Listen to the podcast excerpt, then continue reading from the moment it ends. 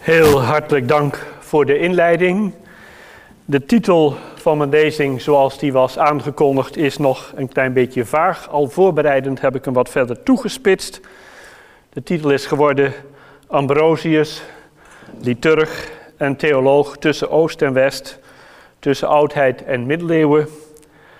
En ik kan nu al zeggen dat ik het wil toespitsen op de houding van Ambrosius ten opzichte van de Eucharistieviering en de doorwerking daarvan in latere perioden. In liturgisch opzicht heeft de stad Milaan sinds de oudheid een aparte plaats ingenomen. De liturgische tradities van Milaan, die vaak wordt aangeduid met de term Ambrosiaanse liturgie, is in veel opzichten duidelijk verwant aan die van de stad Rome, zoals die zich vanaf de 4e, 5e eeuw heeft ontwikkeld. Maar tegelijkertijd zijn er ook overeenkomsten met de liturgische tradities van de kerken uit nog westelijke regio's, zoals bijvoorbeeld Noord-Italië, het zuiden en noorden van Gallië en soms ook Spanje. En net als in die zogenaamde niet-Romeinse westelijke liturgische tradities, komen we ook in Milaan, staat die zo goed? Ja. Komen we ook in Milaan uh, uh, parallellen tegen met liturgische tradities uit de oosterse deel van het Middellandse zeegebied, die we bijvoorbeeld in Rome en met name in Noord-Afrika bij Augustinus niet tegenkomen. Om maar een klein voorbeeld te geven, in de Ambrosiaanse liturgie wordt op het feest van 6 januari, naast het bezoek van de, drie, van de wijzen aan het Christuskind, de doop van Jezus in de Jordaan gevierd.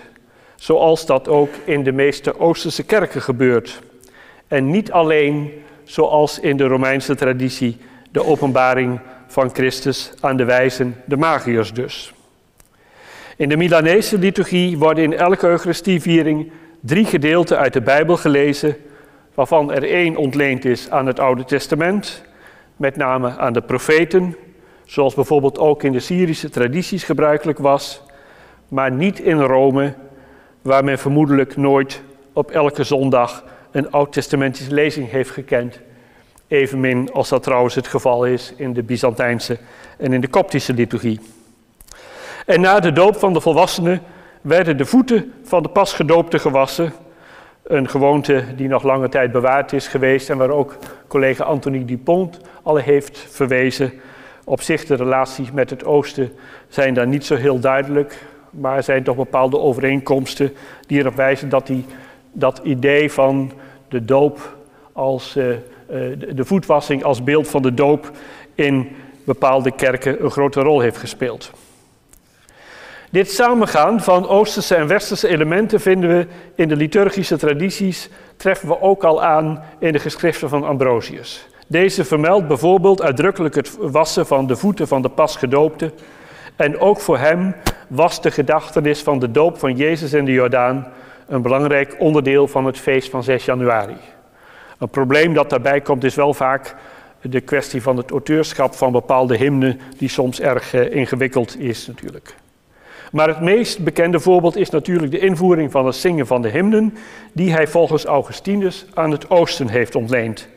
Waar inderdaad al heel vroeg een rijke traditie op dit punt bestond, vooral in Syrië. En er zijn meer elementen die we ook in het oosten tegenkomen, maar niet in Rome.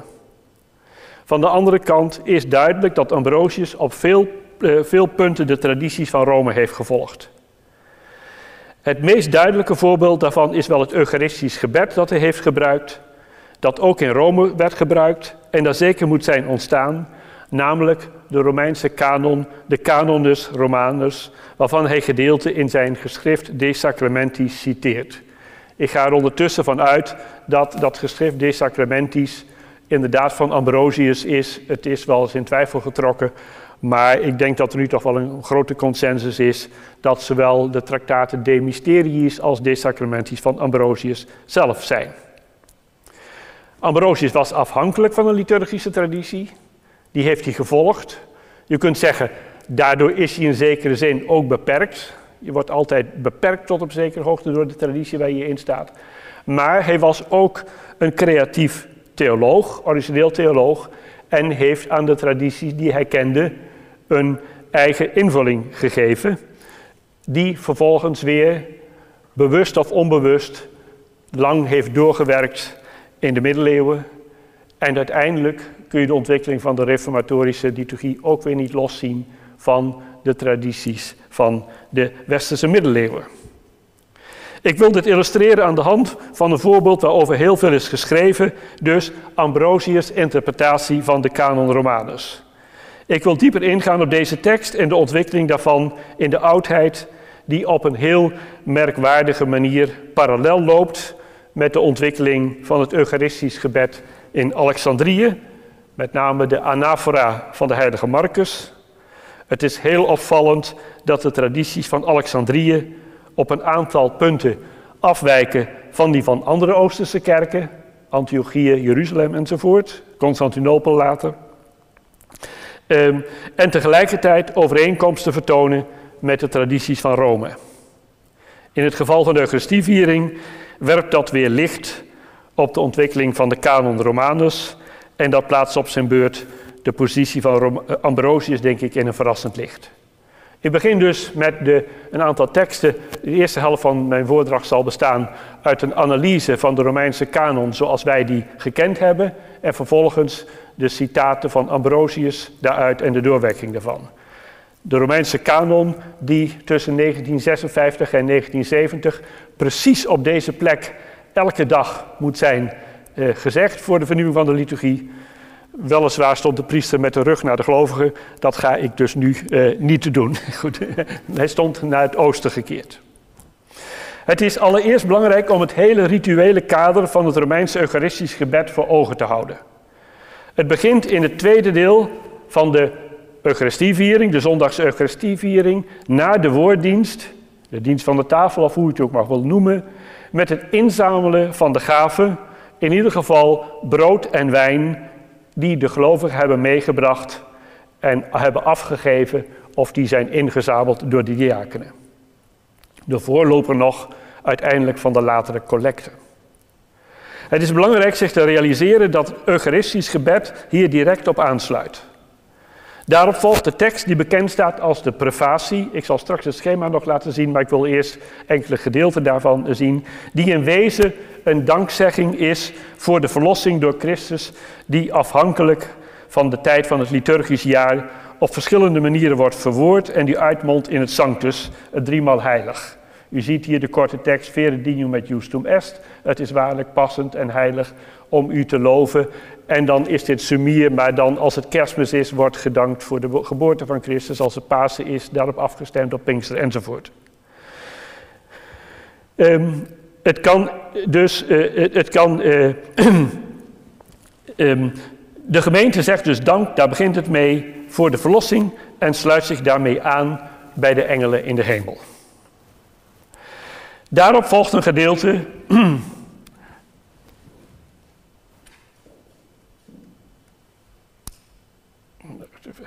Ja. Ja. ja, daarop volgt een gedeelte, de tweede strofe, die begint met de woorden te igitur, u dus. Nou, dus, mensen die een beetje helder kunnen denken, die beginnen niet met dus, er moet iets aan vooraf zijn gegaan. Wat er dan vooraf, het kan niet slaan, denk ik, op het zangtus, op de engelenzang, dat heeft niet veel zin.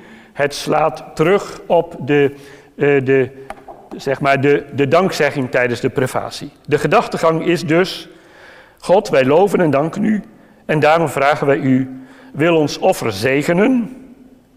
Dat wil zeggen, de gaven die wij u aanbieden, of misschien hebben aangeboden, en het is interessant om te, op te merken dat het Egyptische Eucharistisch gebed van de Anafra van Marcus, daar zal ik u straks ook het schema van nog laten zien, de dankzegging met het gedeelte dat wij hier in het Teïzidoe aantreffen, combineert en voor het Sanctus plaatst, vormt een eenheid. Er zit dus dezelfde gedachtegang achter van, begint met de dankzegging en het aanbieden van een geestelijk dankoffer. Er is trouwens in de westerse traditie in, in Alexandrië uh, is duidelijk dat het Sanctus, het driemaal heilig, daar later is aan toegevoegd. Er is dus ook heel goed mogelijk dat hier het Sanctus uh, waarschijnlijk op een gegeven moment is ingevoegd en niet bij de oorspronkelijke laag van de oudste laag van de tekst heeft gehoord. De opbouw van de canon Romanus is natuurlijk eigenlijk een heel ingewikkelde. Het is een heel complex gebed, omdat het de hele offerthematiek aanroert. Maar het vraagt ook om zeer zorgvuldige lezing ehm, eh, om goed te begrijpen wat eigenlijk de zin, de betekenis ervan is. Wat in ieder geval belangrijk is om op te merken is dat het subject van het hele gebed in de eerste persoon meervoud is gesteld. Het is de gemeente die dank zegt en bidt om aanvaarding van het offer. Niet dus de priester, zoals sinds de middeleeuwen steeds wordt verondersteld en waar de reformatoren zich natuurlijk ook weer tegen hebben verzet.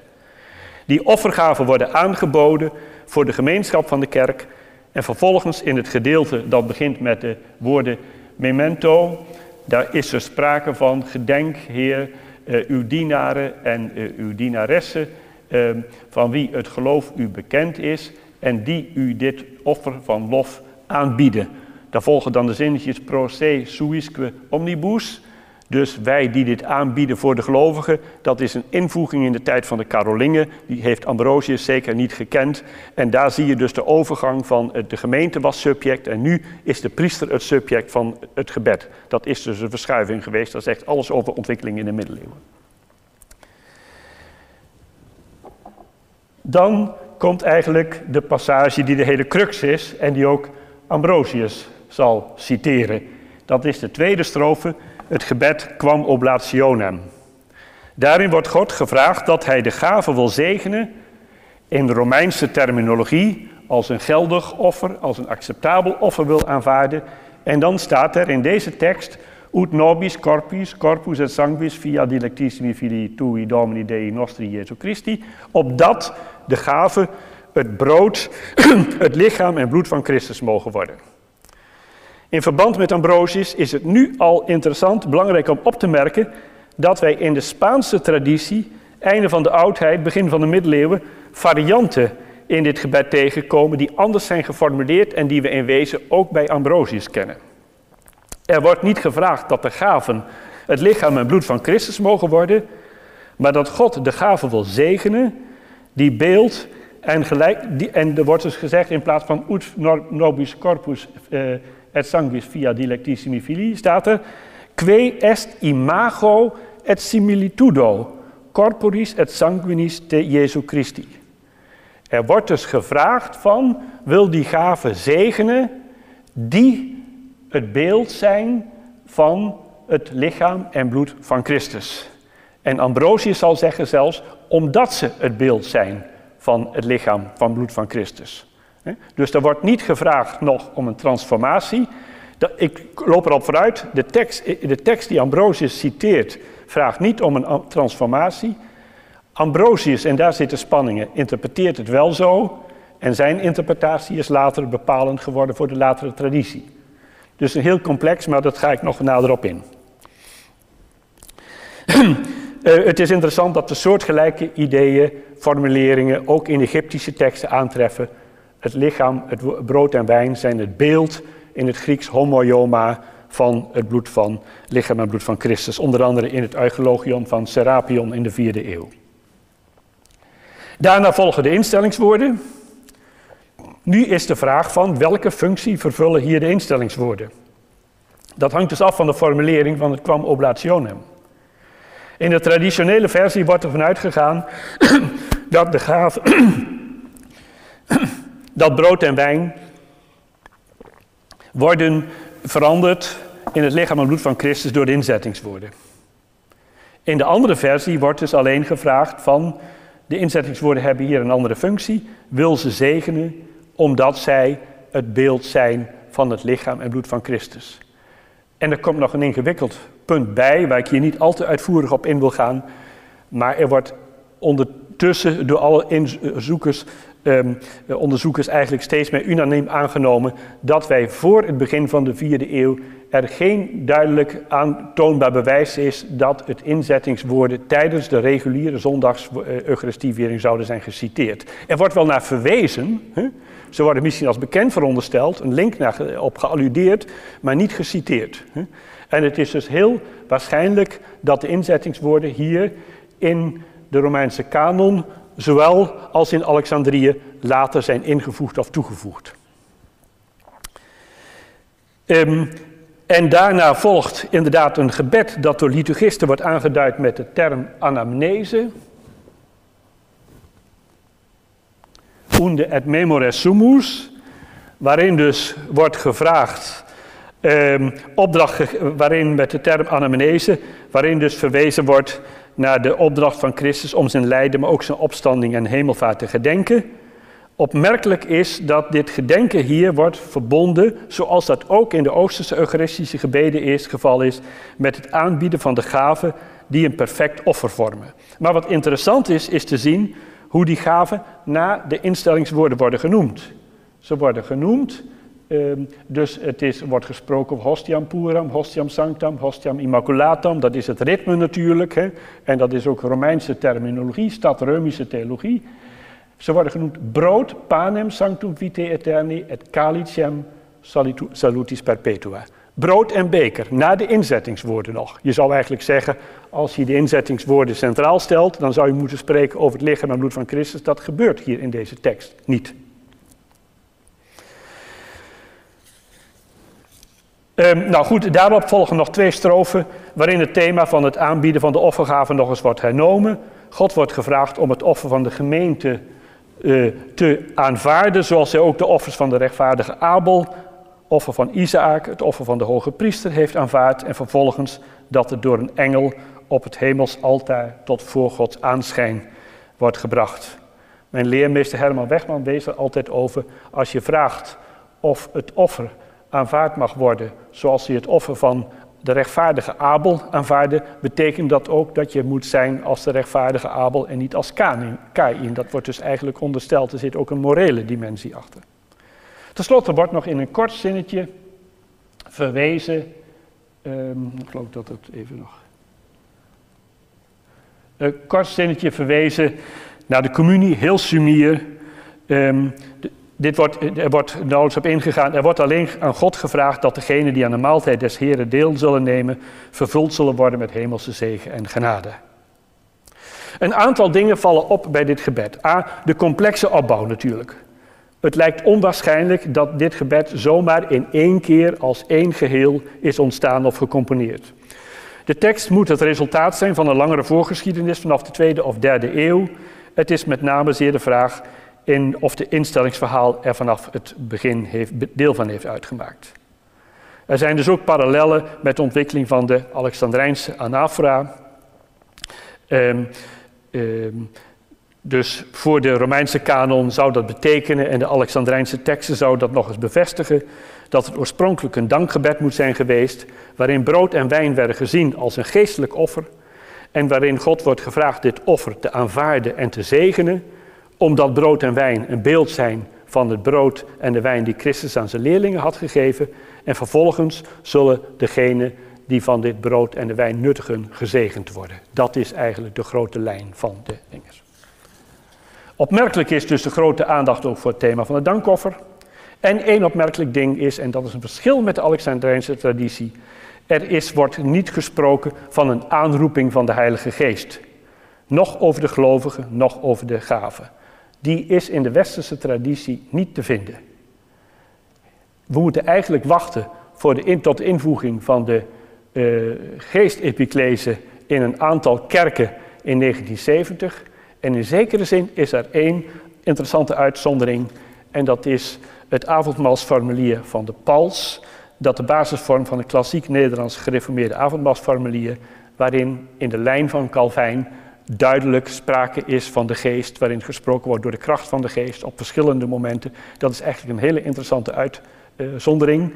Calvijn zelf in zijn avondmaalsformulieren kent geen epiclese. Hij benadrukt wel de rol van de Heilige Geest, maar dat blijkt dus niet in de formulieren, maar behalve in dat van de Pals, behalve dan en dat weer aan de basis ligt van het Nederlands uh, gereformeerde avondmaalsformulier. Goed, en nu Ambrosius.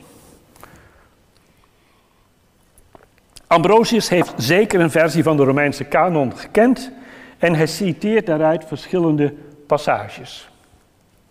Oké, hier hebt u nog een keer het schema van de opbouw van de Romeinse kanons. Dankzegging voor de verlossing, driemaal heilig. gebed om aanvaarding van het offer van de kerk, hetgeen een offer van lof is. Beden om die offer te zegenen. Uh, ofwel omdat ze beeld zijn van het lichaam en bloed van Christus, of opdat ze dat worden. Uh, de vraag is hoe je de instellingsverhaal moet lezen. Dat hangt af van de interpretatie van het kwam oblationem. En daarna is er gedachtenis en aanbieden van offer van brood en beker. Uh, ik verwijs dan nog een keer naar de parallellen met de anafora van Marcus.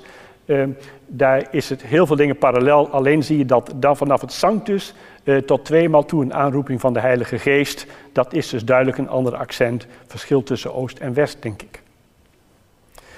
Ambrosius heeft dus zeker een. Um, ja, um, eentje terug nog weer. Uh, zeker een versie van de Romeinse kanon gekend en hij citeert daaruit enkele belangrijke passages. Maar hoe duidt hij die tekst? Hoe interpreteert hij deze? Welke accenten legt hij?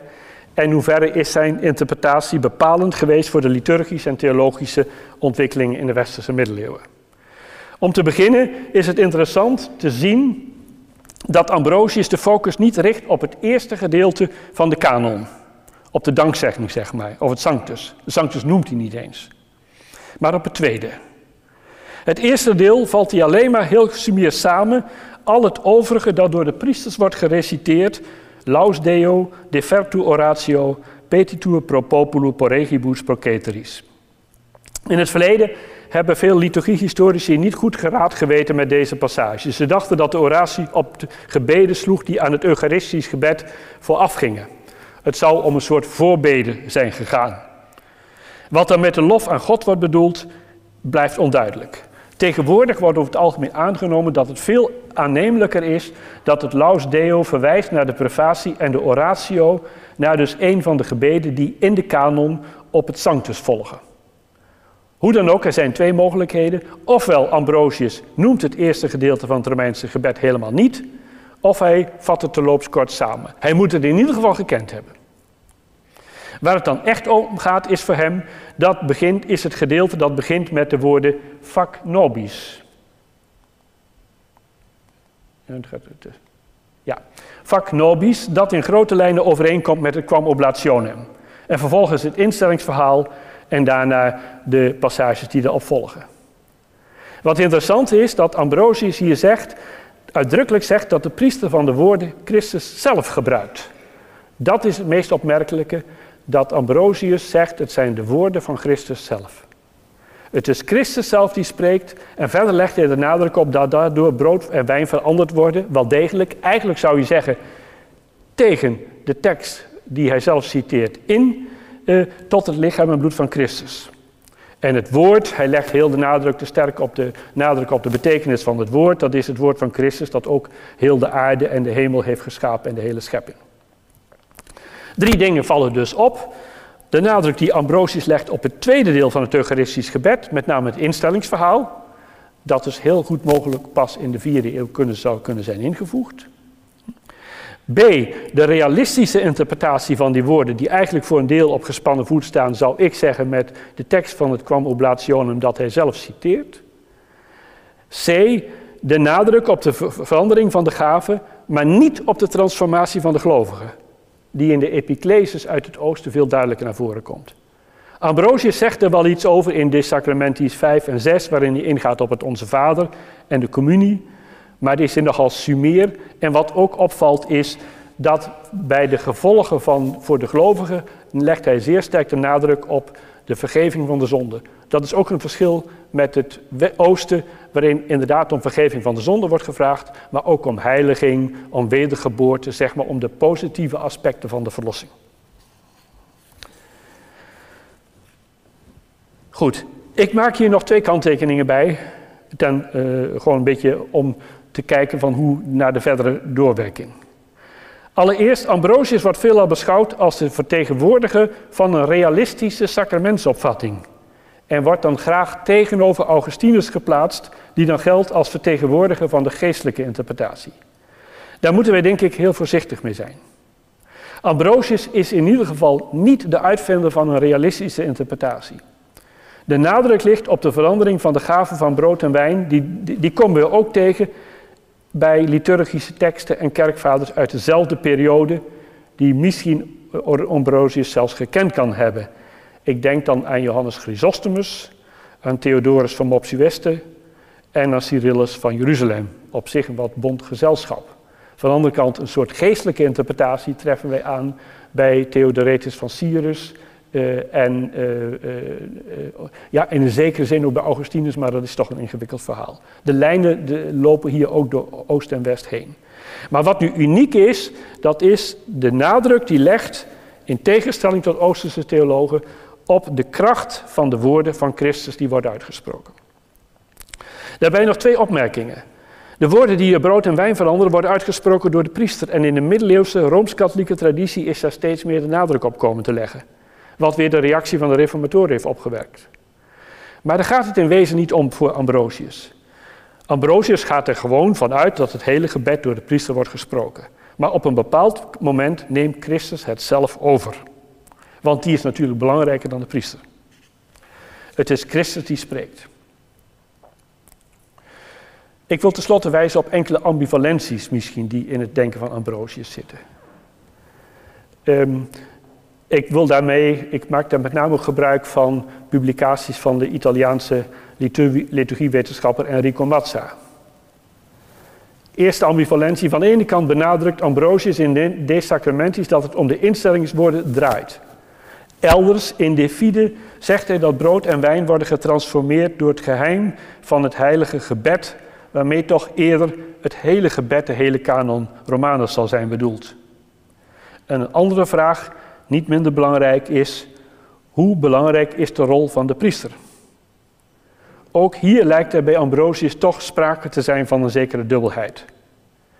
In de passage die wij hebben bekeken wordt de rol van de priester feitelijk gerelativeerd. De hele Romeinse kanon wordt door de priester gereciteerd. Dat is gewoon vanzelfsprekend. Maar op een gegeven moment neemt Christus het over. De priester lijkt dan een soort spreekbuis van Christus te zijn. Misschien zou je zelfs kunnen zeggen verbi divini minister. Elders in een passage uit de Patriarchie zegt Ambrosius simpelweg dat brood en wijn worden geconsacreerd door de woorden van de priester, zonder nog naar de hemelse woorden van Christus te verwijzen. Er zit ook een soort dubbelheid in. En deze ambivalenties hebben in de geschiedenis van het westerse christendom nog lang doorgewerkt. En daarbij heeft men zich soms ook beroepen op Ambrosius. Om te beginnen is er in, het middeleeuwse, in de middeleeuwen ten tijde van de scholastiek een discussie geweest over de vraag of het nu echt nodig was dat de instellingswoorden door de priester werden uitgesproken. Twee middeleeuwse theologen, Guillaume en Thierry van Sartre, vermelden dat de grote theoloog Petrus Abelardus zou hebben gezegd dat de persoon die de woorden uitsprak totaal irrelevant zou zijn. Ze zouden zelfs door een vrouw kunnen zijn uitgesproken, etsi femina. Dit argument zou ook zijn ingebracht door Petrus Lombardus. Thomas van Aquino verzet zich tegen dit argument, werpt er een dam tegenop en stelt daartegenover dat aan twee voorwaarden voldaan moet zijn. Willen de woorden geldig zijn, het moeten inderdaad de woorden van Christus zijn en degene die ze uitgesproken heeft moet geldig gewijd zijn. Hij moet de wijdingsmacht hebben. Het komt natuurlijk wel vaker voor in ecumenische discussies. Zo gauw er een consensus dreigt te ontstaan, kun je altijd nog zeggen dat er ook nog de erkenning van het ambt moet zijn. En dit, uh, gewoon, uh, en dit heeft op zijn beurt weer geleid in de middeleeuwen tot een buitengewoon sterke verpriesterlijking, sacerdotalisering, waarin men bijvoorbeeld in de Oosterse kerken, denk ik, toch geen duidelijke, zulke duidelijke parallellen aan kan treffen. En waar de reformatoren op hun beurt weer zo sterk tegen hebben geprotesteerd. En wat voor veel Rooms-Katholieken na Trente dan weer aanleiding was om het nog eens extra te benadrukken. Mijn vraag blijft natuurlijk wel in hoeverre ook in de Reformatie de ambivalentie hier toch ergens is blijven bestaan. Tweede punt. Ambrosius zet een traditie voort, of misschien is hij de eerste representant daarvan, waarin het hele Eucharistische gebed steeds meer toegespitst wordt, of zo men wil, verengd wordt tot de inzettingswoorden. De instellingswoorden zijn in de, middeleeuwen, in de westerse middeleeuwen steeds meer als het exclusieve hoogtepunt van de Romeinse kanon gaan functioneren. De prefatie wordt dus een soort voorwoord, wordt ook niet hardop uitgesproken. Hè? Uh, wordt hardop uitgesproken, maar de rest in stilte. Hè? En de instellingswoorden dan nog weer, toch weer apart duidelijk hoorbaar. Uh, alles draait om de inzettingswoorden. Zelfs de passage waarin gevraagd wordt om aanvaarding van het offer van de kerk, de gemeente, raakt op de achtergrond. Ik heb het ook onderzocht bij middeleeuwse commentaren op de Romeinse kanon. Daar vind je dat eigenlijk ook. Men focust steeds meer uh, op de inzettingswoorden en eventueel op de gebaren die erbij gemaakt wordt, maar niet op de tekst van de Romeinse kanon. De reformatoren en de kerkenreformatie hebben daarop gereageerd. Op een bepaalde manier hebben ze die traditie ergens toch ook weer voortgezet, maar op hun eigen manier. De vraag is of dit winst of verlies is geweest. Liturgiewetenschappers neigen vaak naar de eerste opvatting en willen zoveel mogelijk terug naar de liturgische tradities van de vroege kerk, waarin de Eucharistieviering, het avondmaal, meer omvatte dan het uitspreken van de inzettingswoorden. Eigenlijk dus terug naar een vorm die eigenlijk ja, uh, voor Ambrosiaans is, of die uh, juist Ambrosius heeft herinterpreteerd. In Duitsland is deze benadering een aantal jaren geleden ter discussie gesteld door de evangelisch-Lutherse kerkhistorica Dorothea Vendeburg in een artikel dat een wat uitgaande, uitdagende titel had, Den falschen Weg Roms zu Ende gegangen, zeggen. Waarin zij stelt dat liturgiehistorici en liturgiewetenschappers, zowel Rooms-Katholieken als Protestanten, claimen dat de protestantse reformatoren op een dwaalspoor zijn verder gegaan. Een dwaalspoor dat was uitgestippeld door de westerse middeleeuwse kerk en de Romana en dat begonnen zou zijn bij puntje puntje Ambrosius. Zij ontkent niet de ontwikkelingen die de westerse liturgie heeft doorgemaakt. Zij ontkent ook niet dat er in de eerste eeuw van het christendom de instellingswoorden niet zouden zijn geciteerd, maar stelt daar tegenover de legitimiteit van de nadruk die Luther en de andere reformatoren volgens haar legden op de lebendige woorden Christi. Er zou hier veel over te zeggen zijn. Ik ga dat niet doen. Misschien nog even een discussie van dus daarna. Ik hoop in ieder geval duidelijk te hebben gemaakt dat Ambrosius' opvatting van de Eucharistieviering zich op twee belangrijke snijpunten vindt. Dat van Oosters en Westers christendom en binnen het Westers christendom tussen oudheid enerzijds en middeleeuwen en reformatie anderzijds. Ik dank u.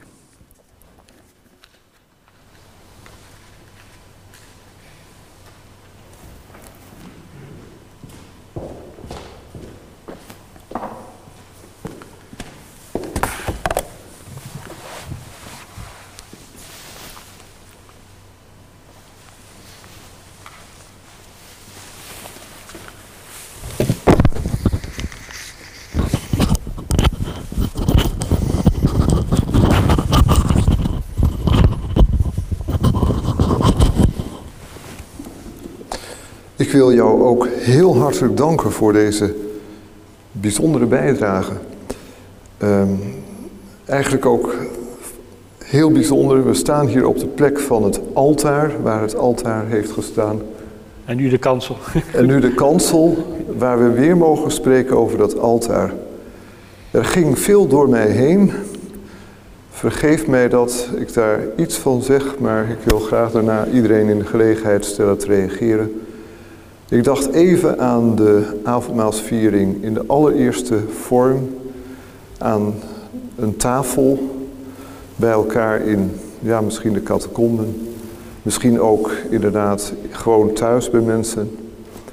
In de vierde eeuw inderdaad ook centrale plek in de kerk, het altaar, waar het offer van Christus ook fysiek en ja, ook symbolisch zo duidelijk werd verbeeld.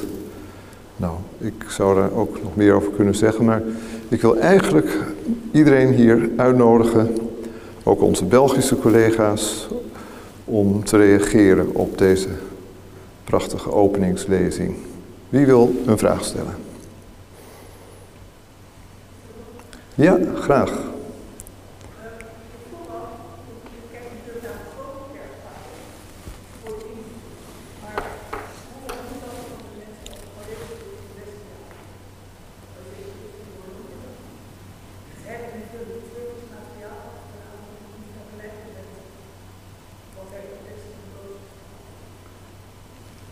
Niet kunnen verstaan.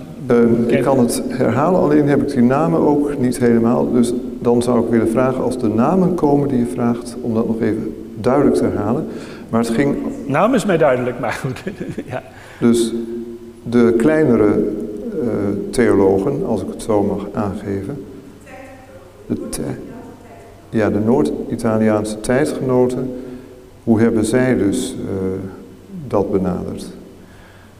Als het gaat om de Noord-Italiaanse tijdgenoten die schrijven over de Eucharistieviering, ja, er zijn er een aantal natuurlijk. Hè? Dus die uh, van Verona en uh, Paulinus van Nola uh, enzovoort.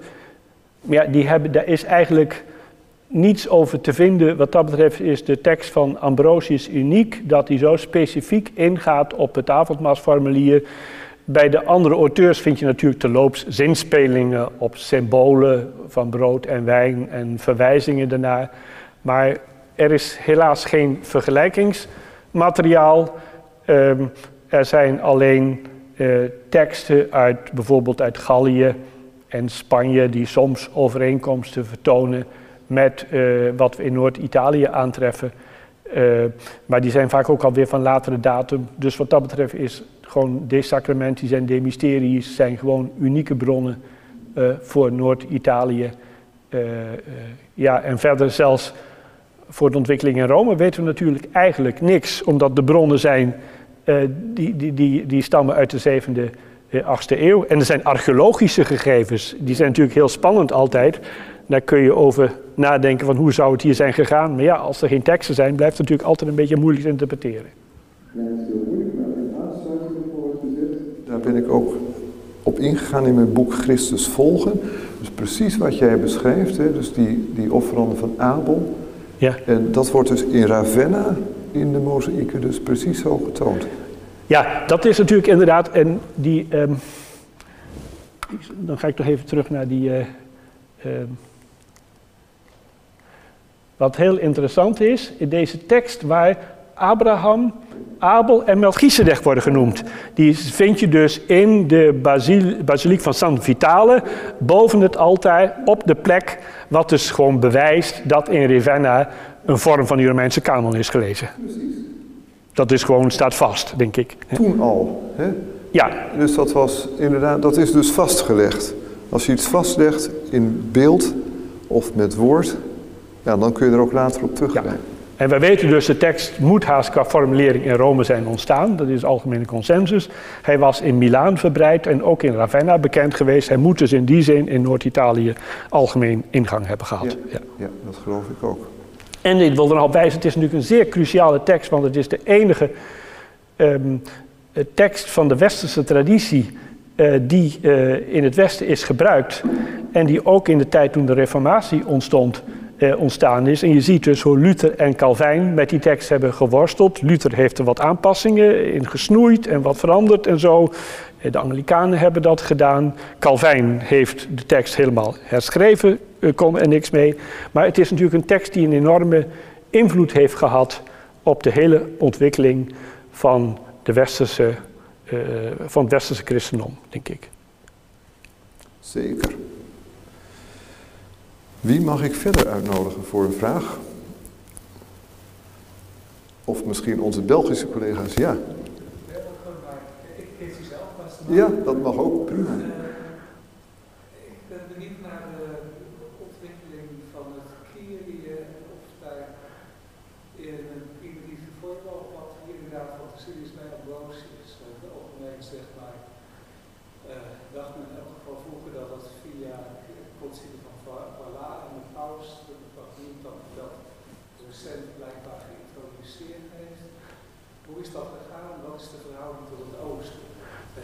Kyrie, het Kyrie in, zoals wij dat kennen in de westerse liturgie, als acclamatie van drie keer Heer ontferm u, Christus ontferm uh, dingen.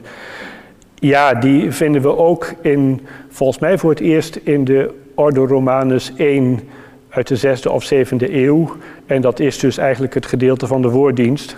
Uh, um, ja, of Ambrosius die gekend heeft, dat weet ik uh, niet. Uh, op deze manier treffen we die eigenlijk ook alleen aan in de westerse traditie. In het oosten kent natuurlijk het Trisagion, het driemaal heilig en zo andere varianten. Het zijn openingsliederen. Men zegt wel het is een acclamatie gericht aan oorspronkelijk de keizer en dat is nu een acclamatie gericht aan Christus. Zo wordt het wel uitgelegd eigenlijk. Hè. En het kan gecombineerd worden met voorbeden natuurlijk. Hè. Dat vind je in het oosten ook. Heer, ontferm u over ons, wij bidden daar en daarvoor. Maar dat is weer een andere traditie. Zijn er nog mensen die willen aansluiten bij deze vraag of een heel andere vraag hebben? Dan denk ik dat het goed is dat ik jou heel veel dank, uh, uh, uit, heel veel dank uitspreek voor jouw lezing. Vond het echt heel verhelderend en ja, gewoon heel erg weer terugbrengen tot de kern, ook die instellingswoorden, maar ook inderdaad die hele symboliek van het offer. En daarmee heb je denk ik ook ons weer heel scherp gehouden dat Christus zichzelf heeft geofferd. En dat in de vroege kerk dat prominent naar voren kwam en steeds opnieuw werd beleefd, ook fysiek. Ja. Dank je wel. Ja, graag gedaan. Ja.